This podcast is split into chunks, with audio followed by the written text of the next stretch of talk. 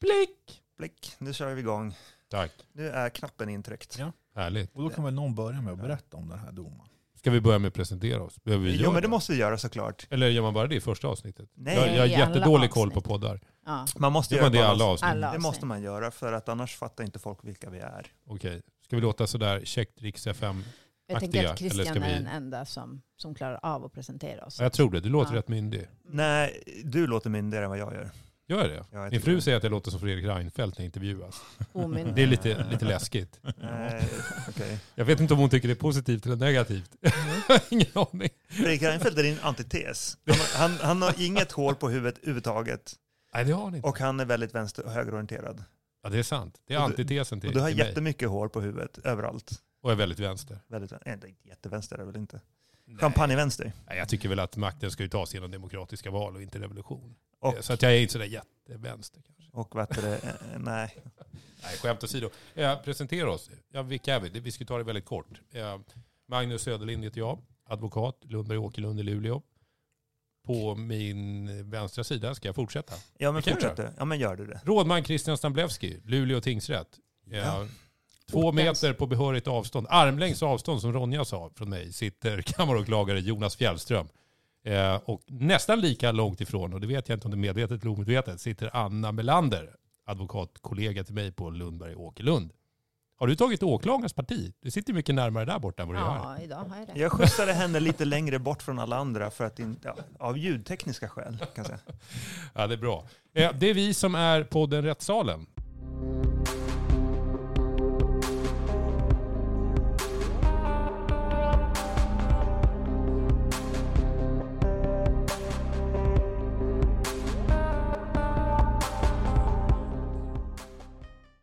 Dagens ämne, Christian, varsågod. Okej, eh, vi har vaskat fram ett ämne som kan vara intressant. Det är eh, det här eh, domen med, som kom förra veckan på tisdagen om juristparet som våldtog sina egna anställda. Det Mm. är en dom från Falu tingsrätt.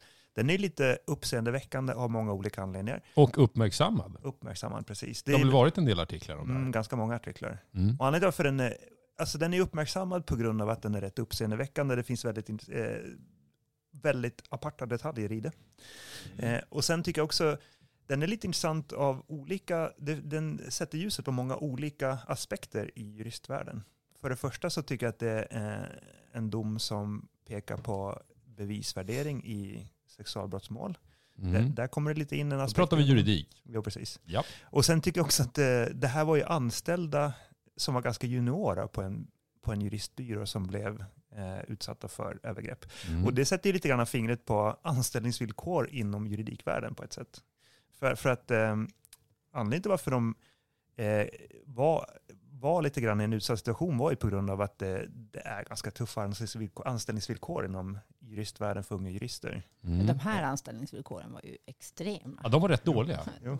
Sekretessavtal och vitesklausuler. Med undantag för lönen. Den var väl förhållandevis bra, om jag Det var ju tokbra för att vara en nyutexad jurist. Ja, Just det. Var de ens jurister? Nej, det Nej, var de inte. Det var de inte. Nej. Vissa var eh, rättsvetare och några hade gått gymnasiet. Och, men ingen var regelrätt jurist. Nej, just det. Det. Jag tror inte ens att det så kallade jurist, alltså jag tror kvinnan var, alltså i det så kallade juristparet, de som var tilltalade, jag tror kvinnan var jurist, men inte mannen. Mm. Men, men lite bakgrund till det här då. Alltså, vad, vad handlar det här målet om? Vad är det som faktiskt har hänt? Så att, eh, för de som inte känner till det här.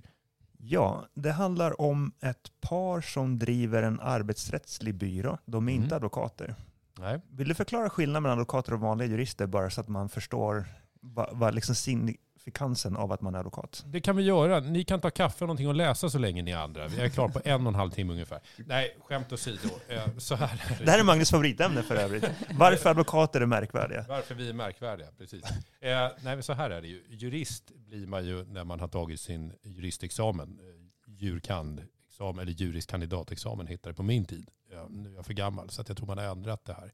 Nu heter det väl bara juristexamen och ingenting annat. Eh, advokat, det är någonting man kan bli i slutändan om man väljer att gå den banan. Det vill säga att man tar anställning på en advokatbyrå Arbetar där i tre år under en principal som då är en advokat som överser den biträdande juristen som man så fint blir då, arbete. Eh, och under den här tiden så går man också tre stycken, minns jag det som, eh, obligatoriska kurser för advokatsamfundet som främst tar sikte på eh, advokatetik och eh, vad det innebär att vara advokat. Det finns ett element av konstitutionell rätt i det där också. Eh, sen examineras man, man får avlägga examensprov för advokatsamfundet och sen får man ansöka in om att bli ledamot i Sveriges advokatsamfund. Och blir man antagen efter att alla man haft kontakt med under de här tre åren har yttrat sig och tillstyrkt ens lämplighet, då blir man advokat. Och med advokattiteln så följer ju en hel del, ja, främ, det första jag tänker på det är ju skyldigheter. Jo, precis. Vi har ett eget kapitel i rättegångsbalken, eh, åttonde kapitlet om advokater som rätt väl förklarar vad vår roll, vår uppgift är och vilka skyldigheter vi har. Eh, och det som har varit på tapeten väldigt eh, mycket kan man säga senaste åren är ju just advokatetiken och de etiska regler vi har att följa eftersom det har varit en del uppmärksammade mål där. Det där tycker jag vi ska återkomma till. Det ska man göra. avsnitt. Advokater har, har ja, varit rena skitstövlar, det Men- men om man får sammanfatta agerat i det- strid med de etiska reglerna. Om man Och sammanfattar det även så... lagstiftning. Förlåt att jag avbryter. Det är ingen fara. Nej, om man får sammanfatta det så är det så här, det är en jätteexklusiv klubb som det är svårt att komma in i. Och sen när man väl är inne i klubben så utsätts man för granskning helt enkelt. Med all rätt, det, det, vilket vi givetvis ska göra. Eh, Vi, vi åtnjuter ju alltså lagstadgade privilegier, alltså till exempel i i och med att vi får förordnanden. Det är endast advokater som får förordnanden från domstolen om att vara offentliga försvarare. Inte sällan, nu tar jag ett typexempel eftersom det har varit på tapeten, eh, för klienter som är frihetsberövade, som är häktade.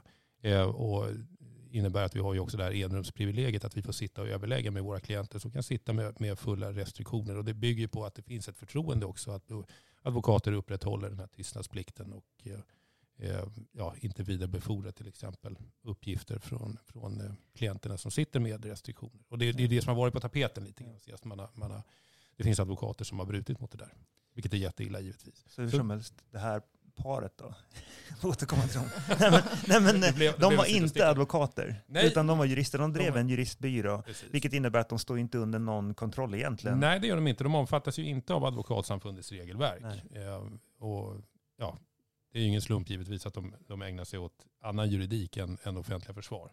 Jo, och det kan också ganska bra påpeka här, för att nu har ju advokater fått väldigt mycket eh, skit i media. Och då kan det vara Mm. ganska bra att påpeka just att de, det här juristparet var inte advokater. Nej, det var de inte. Nej. Så, så att eh, de ska inte dras med samma kam som man drar övriga advokater. Nej, det tycker jag absolut inte. Nej. Men, men hur som helst, då var, det, då var det så att den här kvinnan i det här paret var jurist, eh, utbildad jurist som jag förstått det som, men jag är lite osäker på om mannen var det. Jag tycker inte det verkar som att han var det. Utan Mm. han drev någon typ av juristbyrå och hade antagligen kunskap inom juridik får man hoppas. Ja. Men de hade i alla fall anställt, det var en större koncern, eh, och de hade många anställda i den här koncernen. De hade flera stycken olika bolag. Och de sysslar främst med arbetsrätt. Och om jag, om jag förstått det rätt så levde det här paret väldigt extravagant. Mm. Ja, de hade väl... eh, Hade de inte lyxjakter? Privatflyg till och med. jo. Eh, Jag tror att de har varit i, i blåsväder tidigare, för jag har läst, det, det har funnits massa granskningar om oseriösa juristbyråer som typ i princip ma- matas, eh, mjölkar sina klienter. Mm. Som, som eh, liksom eh, de, de, debiterar klienten för flygtimmar när de ska flyga till klienter med privatflygplan och sånt. Mm. Jag tror att det här är samma byrå faktiskt. Okej, de har den typen av upplägg. Så får ju vi som advokater kan ju då säga inte arbeta. Vi ska ju göra vad vi kan, det vi är skyldiga att göra för att hålla nere kostnaderna för våra klienter. Ja, vilket också ligger i linje med att vi alltid, när man pysslar med, med dispositiva tvistemål, ska verka för en förlikning som blir så lite kostsam som möjligt för våra klienter. Hur som helst, den här, den här juristbyrån hade anställt unga kvinnor på byrån eh, som, eh, och varav fyra stycken då var målsägande i det här målet. Eh, och de här unga kvinnorna hade, i, vissa av dem hade någon typ av juridisk utbildning men inte liksom en fullständig juridisk utbildning. Och vissa var bara gymnasieutbildade. Eh, och de fick ju alla anställning som jurister på byrån. Mm. Eh, Och eh, de fick ju väldigt märkliga anställningsvillkor. Å ena sidan så fick de väldigt betungande krav i anställningsvillkoren. De fick ju olika typer av vitesklausuler, det vill säga att om de avbryter sin anställning så får de betala biten till sin arbetsgivare. Eh, och sen så fanns det massa sådana krav att de får inte använda sina privata mobiltelefoner på arbetsplatsen utan de måste, måste använda arbetsgivarens. Eh, och arbetsgivaren avlyssnade de här mobiltelefonerna som de använde. Ja, det är rätt uppseendeväckande. Jag tror att, att den här manliga anställda, eller man, mannen i juristparet också hade skickat, det var en kvinna som inte ville jobba övertiden då, så han hade skickat en stämning på några hundratusen till henne. För att hon skulle gå hem i Oj, tid. Ja, Ja. det är på den nivån alltså. Ja. Effektivt men moraliskt tvivelaktigt Ja. kan vi sammanfatta det. han tyckte det var kul att stämma Men, men lite grann så att alla förstår också. Ja, det fanns ju alltså bestämmelser, klausuler i deras anställningsavtal att vid eventuell tvist med arbetsgivaren så skulle tvisten inte prövas av allmän domstol utan av skiljenämnd. Ja. Ja, det kanske vi ska förklara vad en skiljenämnd är för någonting. Precis. Alltså, det är också det att eh, en skiljenämnd är ju en slags privatdomstol som man får anlita istället för en vanlig domstol. Precis. Ofta Stockholms eh, handelskammares Mm. skiljedomsinstitut. Och det som gör att man lite, det som gör skiljenämnd som en lite skrämmande faktor är att skiljeförfarandet är ju jävligt dyrt. Alltså bara för att processa betalar du flera hundratusen. Ja. Lite förenklat kan man säga. Går man till allmän domstol, tingsrätten, och förlorar, då får man betala motpartens rättegångskostnader. I ett skiljedomsförfarande, om du förlorar, så blir det även domstolens kostnader. Ja, Man måste betala domarna som Jo. dömer i det. Precis, och det innebär att det är, jätte, det är jättestor risk att börja processa. Så.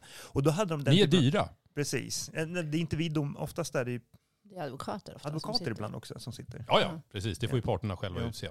Men hur som helst är de det. Jo, hur, hur som helst är det att det, po- poängen var ju att eh, de hade sådana här skiljeklausuler som gör att det blir väldigt skrämmande att processa mot dem för Mm. att man tar ju en jättehög risk. Mm. Ehm, så att det var det som var anställ- anställningsavtalet och, och, för de här anställningsvillkoren för de här kvinnorna. Och samtidigt så fick de ju jätte, jättebra löner i förhållande till deras utbildning. Så de fick ju löner som motsvarar åklagarlöner fast de inte alls hade den typen av erfarenheter, den typen av kvalifikationer som man kan få som åklagare.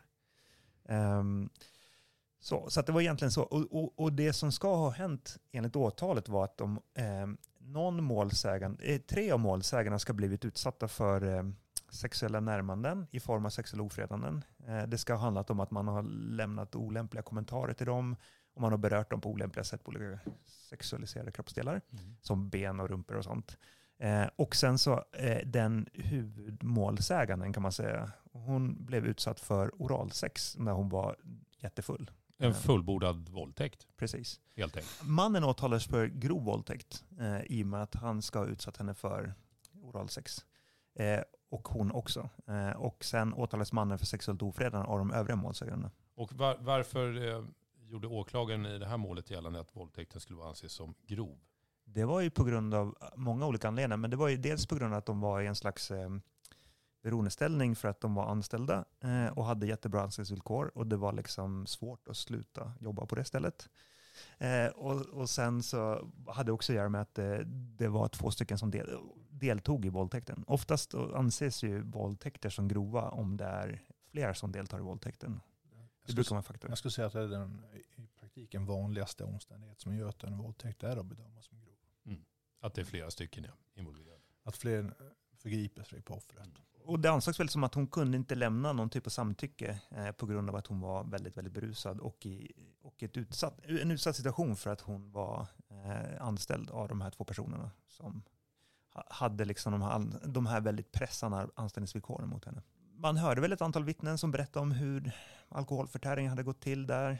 Eh, egentligen var ju de här Det var på någon kursgård. Precis, tror jag. allting hände på en kursgård. Allting hände på en kursgård. Ja. Uppenbarligen så verkar de ha massa utbildningar hit och dit också. Jag fattade aldrig egentligen när jag läste den här domen vad, hur de liksom, vad de bedrev för typ av verksamhet. För att det kändes som att alla de verkade vara på utbildningar och hålla utbildningar hit och dit hela tiden. Ser- Utomlands. Med privatplanet. Precis. Som man får betala tillbaka om man slutar. Men det här var ju någon typ av, eh, det här var ju på någon typ av kursgård i Sverige.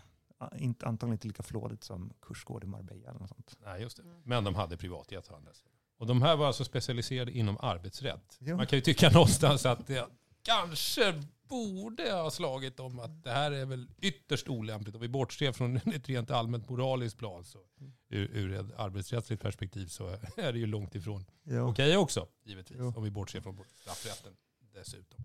precis. Men eh, ja, så var det. Och det som hände på den här kursgården då med eh, målsäganden A, Jo, domen, det var väl att det eh, började väl med, med en omfattande alkoholförtäring. Jo. Eh, de blev stupfulla, i vart fall målsägande A blev det. Och sen inleddes det väl med någon form av lek tror jag, sanning eller konka. jo, Eh, och, och det ställdes frågor om hennes sexualitet och frågor med sexuellt innehåll. Jo. jo.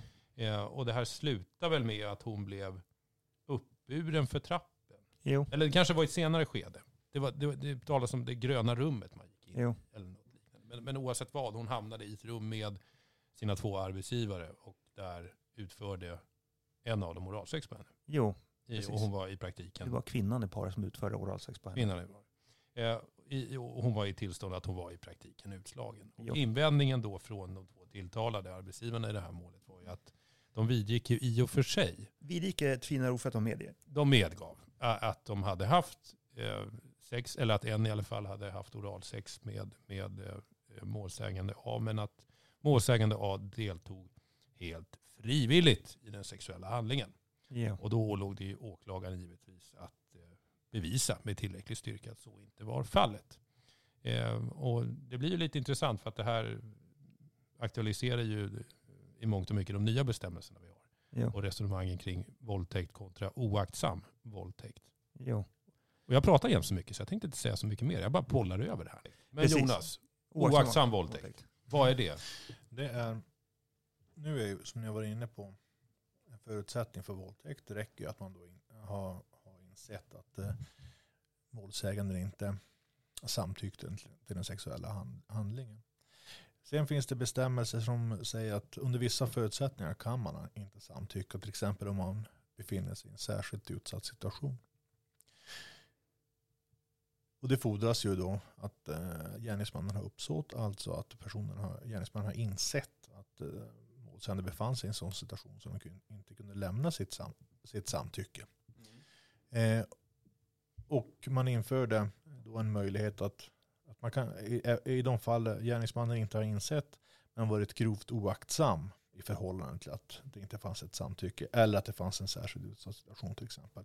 Så kunde man komma och dömas ändå fast för ett betydligt mindre allvarligt brott. Precis. Och här slänger jag ut en grej lite grann. Eh, Med risk att det blir nischat höll jag på att säga. Men, eh, vi talar ju främst inte till andra jurister. Men, men vad gäller uppsåt, det finns ett antal olika uppsåtsformer. Och den nedersta gränsen får man väl säga för uppsåt har ju varit, eller är ju likgiltighetsuppsåt. Att man är likgiltig i förhållande till effekten av den brottsliga gärningen. Eh, vad, vad skulle ni säga, vad, vad är skillnaden egentligen? Om vi konkretiserar det mellan likgiltighetsuppsåt och grov oaktsamhet. Den frågan har jag också ställt mig. Eh, man måste säga att är man grovt oaktsam då har man kommit synnerligen nära likgiltighetsuppsåt. Likgiltighetsuppsåt är lite förenklat att i, i det här i fallet med våldtäkt är att eh, man har insett att det finns en risk eh, att man, en beaktansvärd risk att, att eh, målsäganden inte samtyckt men man har varit uppenbart likgiltig inför hur riskens förverkligande. Helt enkelt att Mm. man, Man, har varit likgiltig inför precis, man, av, huruvida hon samtyckte eller man, inte. man, man avstår inte handlingen trots att man vet om att den här risken finns. Då är man likgiltig. Exakt.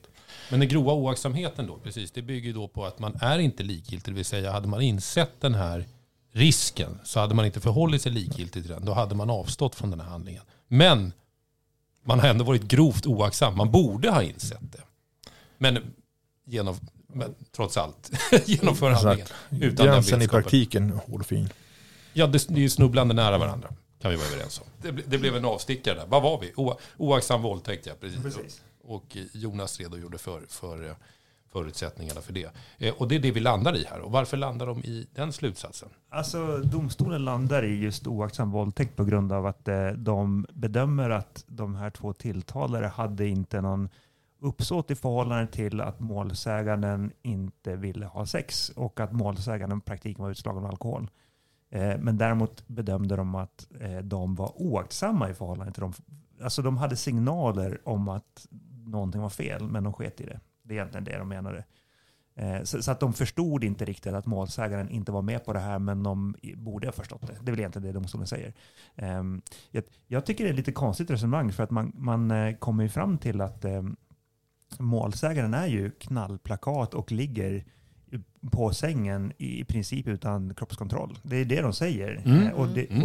och, och, då säger de också att eh, de tilltalade visste ju om att hon var knallplakat eh, och att hon var superfull. Det är det de säger också. För att det syntes jättetydligt på målsägaren, säger de. Då är det ju inte en oaktsam våldtäkt. Nej, då är det en Längre. våldtäkt. Och det, det är det jag tycker är lite speciellt med den här domen. För jag förstår egentligen inte varför det här landar i en oaktsam våldtäkt. För jag tycker att det är ju egentligen, om, om man nu köper målsägandens historia rakt av, då är det ju Mm. en solklar våldtäkt. Mm. Sen kan man diskutera om den är grov eller inte. Det kanske det inte är. För att, för att eh, liksom bara utsätta någon för oralsex är inte lika allvarligt som att göra andra typer av handlingar. Så det, det kan man ju kanske tycka, diskutera om det kan vara en vanlig våldtäkt eller grov våldtäkt. Men jag Mm. tycker att det är ju en uppsåtlig ren våldtäkt utifrån vad jag kan läsa i domen. Jag är lite fundersam på det här med eh, oaktsam våldtäkt, om, om det kanske var så... Alltså för jag har ju funderat, när oaktsam våldtäkt kom som en brottsrubricering så, har, så funderar jag på så här, vilka situationer skulle oaktsam våldtäkt bli aktuell?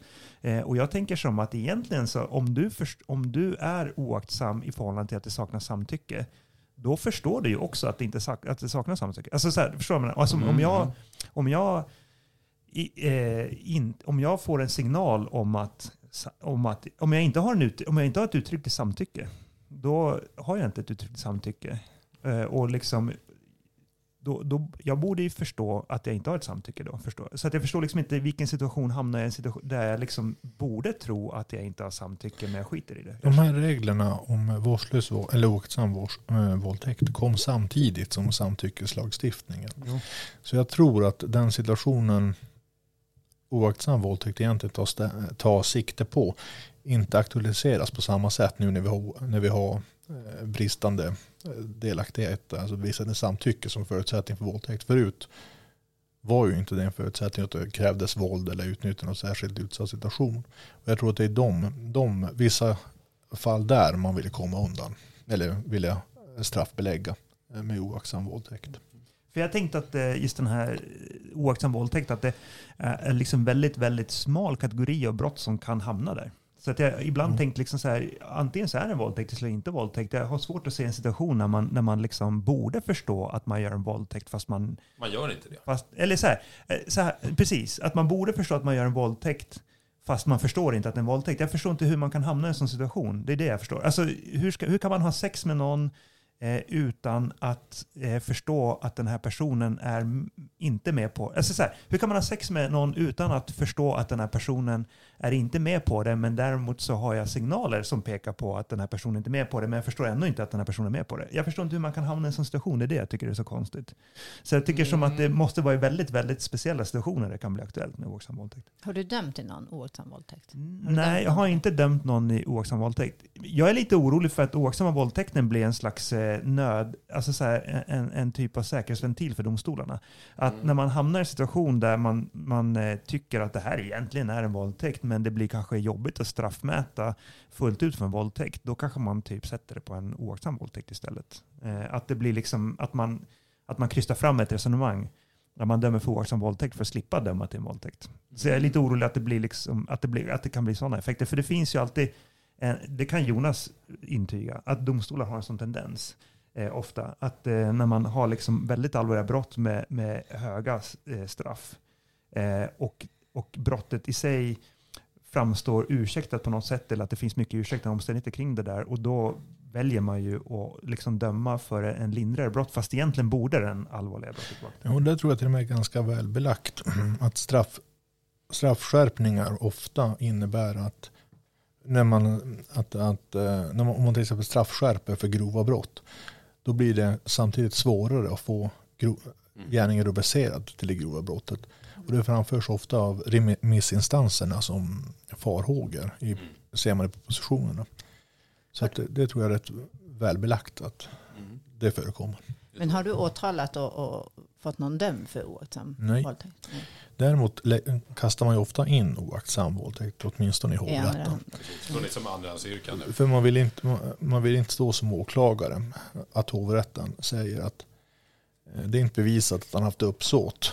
Men fråga? det är inte, eh, Förlåt. möjligtvis har han varit grovt oaktsam, men det är inte åtalat på det. Mm. Så därför kan han inte dömas. Får jag fråga en, en sak till, till dig Jonas? Ibland tänker jag så här när man får Ibland undrar jag om åklagare avstår från att eh, lämna andrahandsyrkanden om lindrigare brott bara för att pusha domstolen att döma för det allvarliga brottet. Inte pusha domstolen, men ibland vill man ju verkligen ha eh, hu- huvud, eh, alltså det grövre brottet prövat. Till exempel i en våldtäkt så vill man ju verkligen ha att rätten ordentligt ska pröva, finns det uppsåt fullt ut? Jo, så att Mm. man inte ger liksom en utväg. Det är Nej. det jag har tänkt. Att att man liksom, för ibland har jag tänkt att eh, eh, här skulle man kunna lämna ett andrahandsyrkande om ett, om ett lindrigare brott, men det finns inget, fast det borde finnas en. Och då har jag ibland upplevt att det handlar om att... Eh, Ett gisslandrama. Ja men typ, så här, döm för det allvarliga eller frikänn. Mm. Eh, och eh, typ man trycker in domstolen in i en vägg för att man inte ska ta fegvägen ut och välja det mindre allvarliga brottet. Jag, får, jag läser lite grann här igen. Jo. Va, vad gäller just eh, frågan om uppsåt, om vi tittar på domskälen avseende den här händelsen, så, så skriver man alltså följande. Det är däremot styrkt att XX och YY varit likgiltiga, så vi är likgiltiga, i förhållande till risken att målsägande A inte deltog frivilligt. Nu tappar du, nu tappar du mig. Jag, jag, hörde orden men jag kunde inte koppla ihop dem i huvudet. Kan du ta det? Det man säger. Det är däremot styrkt att XX och Y varit likgiltiga i förhållande till risken att målsägande A inte deltog frivilligt. Ja, men det låter ju mer att man diskuterar likgiltighetsuppsåten. Ja, men lyssna, precis. Och hör här.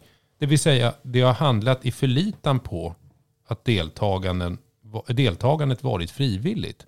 Vilket är i linje med vad som i målet framkommit om deras sätt att förhålla sig till andra människor och sina anställda. Samt deras höga tankar om sig själva och sina egna förmågor. Det har således varit grovt oaktsamma. Medvetet oaktsamma. I förhållande till målsägande A inte deltog frivilligt i den sexuella handlingen. Oaktsamheten är klart klandervärd och gärningen är påtagligt eh, straffvärd. Och därför så döms de då för oaktsam våldtäkt. Eh, jag hänger inte riktigt med i hoppen här, ska jag säga. Nej, jag hänger Inte jag heller. Tingsrättens domskäl. För att de konstaterar ju faktiskt initialt att de har ju varit likgiltiga i förhållande till risken att målsägande A inte deltog frivilligt. Så varför i hela friden dömer man då inte dem för ja, våldtäkt utifrån ett likgiltighetsuppsåt? Eh, Resonemanget är ju, är ju svårbegripligt eh, när man läser det. Och det som är ännu mer märkligt är att i, den här, en sån här situation, det första man provade att utreda när någon med, har varit berusad, eh, graden av berusning. Och det hade Mm. man konstaterat att hon är ju jättefull. Hon är jättefull. Och är man jättefull, då befinner man sig i en särskilt utsatt situation. Då kan man inte lämna sitt samtycke. Nej. Så det man då i normala fall gör, men det de inte riktigt verkar ha gjort här är att då, när man då gör den här uppsåtsbedömningen vi har, vi har pratat om, Mm. då gör man, ska man göra uppsåtsbedömningen inte till det, för, det förhållandet att de deltog frivilligt eller ej, utan om, om de faktiska omständigheter som, som gör att de har befunnit sig i en särskilt utsatt situation. Helt Precis. enkelt, har de vetat om att de var knappt alltså kanonkalas? Att de I ett jätteberusade? tillstånd att hon inte kunde Nej. lämna ett frivilligt samtycke. Och har man insett sett det, då har man haft uppsåt till den omständigheten. Och, och, och då saknar faktiskt vad man har trott om eventuellt eh, fri, del, frivilligt deltagande saknar betydelse. Mm. Man kan, och- man kan inte jäm, lämna sitt samtycke i det tillståndet. Absolut, och just att de finner ju, det säger Ja. man ju uttryckligen i domskälen, att de har ju varit likgiltiga Ja. inför det här. Alltså om man... Då, då ser inte jag hoppet Nej. till varför Nej. man landar i en oaktsam våldtäkt. Nej. Märkligt. Jättemärkligt. Så att eh, egentligen om man ska hårdra det så det rimliga är antingen att man säger att det var ingen våldtäkt överhuvudtaget eller att det var en våldtäkt, inget mittemellan. För antingen så, antingen så säger man att eh, hon var inte klappkalas och hon kunde vara i tillstånd att medverka frivilligt och säga till om det här gick över Eller gränsen. rättare sagt, man får förtydliga där. Att det inte, Bevisat. att det inte, exakt, det är inte Mm. bevisat. Mm. Antingen får man säga att det inte Mm. bevisat att hon, att hon var kanonfull. Precis. Eh, eller så får man säga att hon var kanonfull. Men också så där, det, alla, alltså en normal människa ser ju om, man, om någon är kanonfull. Eh, alltså, Mm. Ja, Det beror på om om- man är kanonfull Mm. själv. ja, det är sant. Men, men om Ja, man, alltså, fast om, man, är sen, om, man, är- om, man, om någon är så kanonfull att man inte kan avge ett samtycke till, eh, till eh, samlag, mm. eh, då, då märker ju alla människor att man är så kanonfull att man inte kan avge samtycke till samlag. För att då är man ju oftast liksom redigt ur kontroll. Alltså man, ja, är det så? Ja, Alltså det, det, Jag har aldrig varit så full så jag vet i och för sig. nej men det, det, då har man ju sett prov på genom åren, eh, om inte annat i, i arbetet, att personer kan ju ha till exempel en, en exceptionellt hög promillehalt, men ändå utåt sett ge sken av att närmast vara fullt funktionsdugliga. Använda Och, det då ska man komma ihåg det är inte promillehalten i sig. Eh, Nej. till exempel, är man medvetslös, Mm. är man så full som man är medvetslös, då är det ganska enkelt. Då är du då är det väldigt en särskild Kan inte lämna samtycke. Nej. Däremot fordras inte medvetslöshet. Nej. Men du ska vara så berusad så du har en klart begränsad eller nästan till o- ob, eh, obefintlig förmåga att freda din sexuella integritet. Mm. Och då räcker inte att man att man är så full och har dåligt omdöme, det är ju inte tillräckligt. Nej. Utan man, man brukar titta på, kan personen gå, kan personen prata, kräks personen, Mm. bajsar personen ner sig. Mm. All, allt sånt är tydliga indikationer på att om du till exempel inte kan gå utan hjälp, då kan du inte freda din sexuella integritet. Nej. Och I det här fallet var det bevisat att hon Ja. var i sånt tillstånd som Ja. du skriver nu. Ja. För, Men för det, ska vi vara tydliga med vad gäller just berusning och samtycken. Att det är ju, lagstiftningen tar ju inte sikte på, alltså det är ju inte olagligt att eh, en person har sex med en Nej. annan person. Personen, en av personerna då är, är i fyllan men, men ville det just där och då och sen dagen efter ångrar Nej, sig. Absolut. Det är ju inte straffbart. Eh, Men, jag tänkte här, om vi går vidare från den här domen då, eh, till eh, sexualbrottslagstiftning rent allmänt. För det kommer ju väldigt skarpa Precis. lagförändringar nu i, eller väldigt skarp lag- lagskärpning nu i, augusti. Mm. Vill inte, Jonas, du har ju tittat på då. närmare. Det kommer en proposition som börjar gälla, en lagändring som börjar gälla 1 augusti. Det har egentligen tre steg. Det mest uppmärksammade är eh, straffskärpningarna för de flesta sexualbrotten. Eh, Det är det ena. eh, ena. Det andra är ändringen att man vidgar samlagsbegreppet.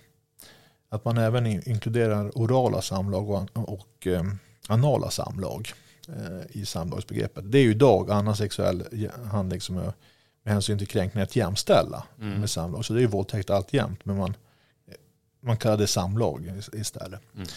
Eh, Så det kanske inte har- inte så jättestor praktisk betydelse. Något som däremot har stor praktisk betydelse och det kan vi kanske diskutera som, ett egen, som en egen del. Det är hur man ser på sexualbrott begångna över internet. Mm. Eh, idag, lite förenklat, innan lagändringen, idag alltså. Eh, då krävs det delaktighet från gärningsmannen i den sexuella handlingen. Det betyder inte att han behöver vara fysiskt på plats i praxis.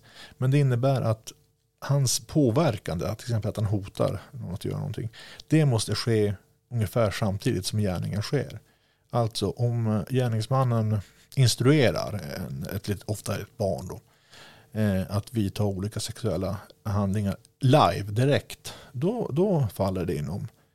Då kan det vara våldtäkt och sexuellt övergrepp mot barn. Och, det, och det var väl uppe i Högsta domstolen rätt nyligen? Jajamensan. Och det man testade nyligt, det var om det kan vara våldtäkt, i vilka fall det är våldtäkt gärningar man utför på sig själv. Framförallt. Just det. Men, eh, men till exempel om det sker live då kan det vara våldtäkt eller sexuellt övergrepp mot barn. Eh, om, det istället, om man istället säger eh, gör det här, posera på det här sättet, eh, annars stödjer jag dig. Eh, spela in det och skicka videon till mig. Mm. Så att hoten inte sker, att han inte är med eh, på något sätt. Han är inte inblandad i, i Nej. själva... Eh, när det sker, då har man Akta. inte kunnat dömas Nej. innan. Nu blir det även om man medverkar. Då behöver man inte vara med vid själva sexualakten. Utan det räcker eh, att man medverkar på det här sättet. Till exempel så är det, kommer det inte längre vara någon skillnad om man säger eh, live över internet. Då. Eh, strippa annars stöder jag dig. Eller om man säger strippa och filma det och skicka till mig annars stöder jag dig. Just det. För det var ju en rätt för gemene man och även rätt många jurister en rätt svårbegriplig skillnad. Mm. Eh, Så det är, de, det är egentligen de tre huvud, huvudstegen. Och störst bland lagändringarna, eller st- förlåt mig, straffskärpningarna, är väl att man ändrar straffminimum för våldtäkt från två år, som det är idag, till tre år. Just det. Det Och, och, det- och det här precis, ja, kan väl då leda till lite grann det vi flaggade för tidigare. I och med att man höjer minimistraffet för våldtäkt till tre år. Att det kanske, vi kanske ser en ökning av att man väljer från domstolarnas sida att döma för oaktsam våldtäkt istället. I och med att det, det är ett ja, det, är- det är ett väldigt kännbart straff givetvis, tre år. Hur långt straff är, är ju framförallt relevant i jämfört mot hur, hur, hur andra brott straffas. Mm. Och det, kanske, det är ju kanske självklart för oss, men vad, vad straffen för andra brott är. Minimistraffen för, för grov misshandel ett och ett halvt år till exempel. Grovt narkotikabrott två, två år. Rån ett år. Eh, Du måste egentligen upp på till exempel synnerligen grov misshandel, grovt rån, dråpmord för att komma högre än, än tre år. Mm. Jag, jag kan få uppfattningen om att det här, på ett, alltså en våldtäkt på ett annat sätt kan sätta livslånga spår Ja, psykiskt och, och påverka vardagen. Så att det, det, Och utifrån det och den allmänna straffnivån så ansåg jag att, anser jag att personligen att två år minimistraff var väl avvägt. Mm. Men det här går ju lite hand i hand också med att det finns ju en, en samhällelig debatt kring det här. Eh, givetvis. Och, och, men det är det är inte alla lagändringar som, som åtnjuter uppmärksamhet av det sätt som just den nya våldtäktslagstiftningen till exempel har, har gett upphov till.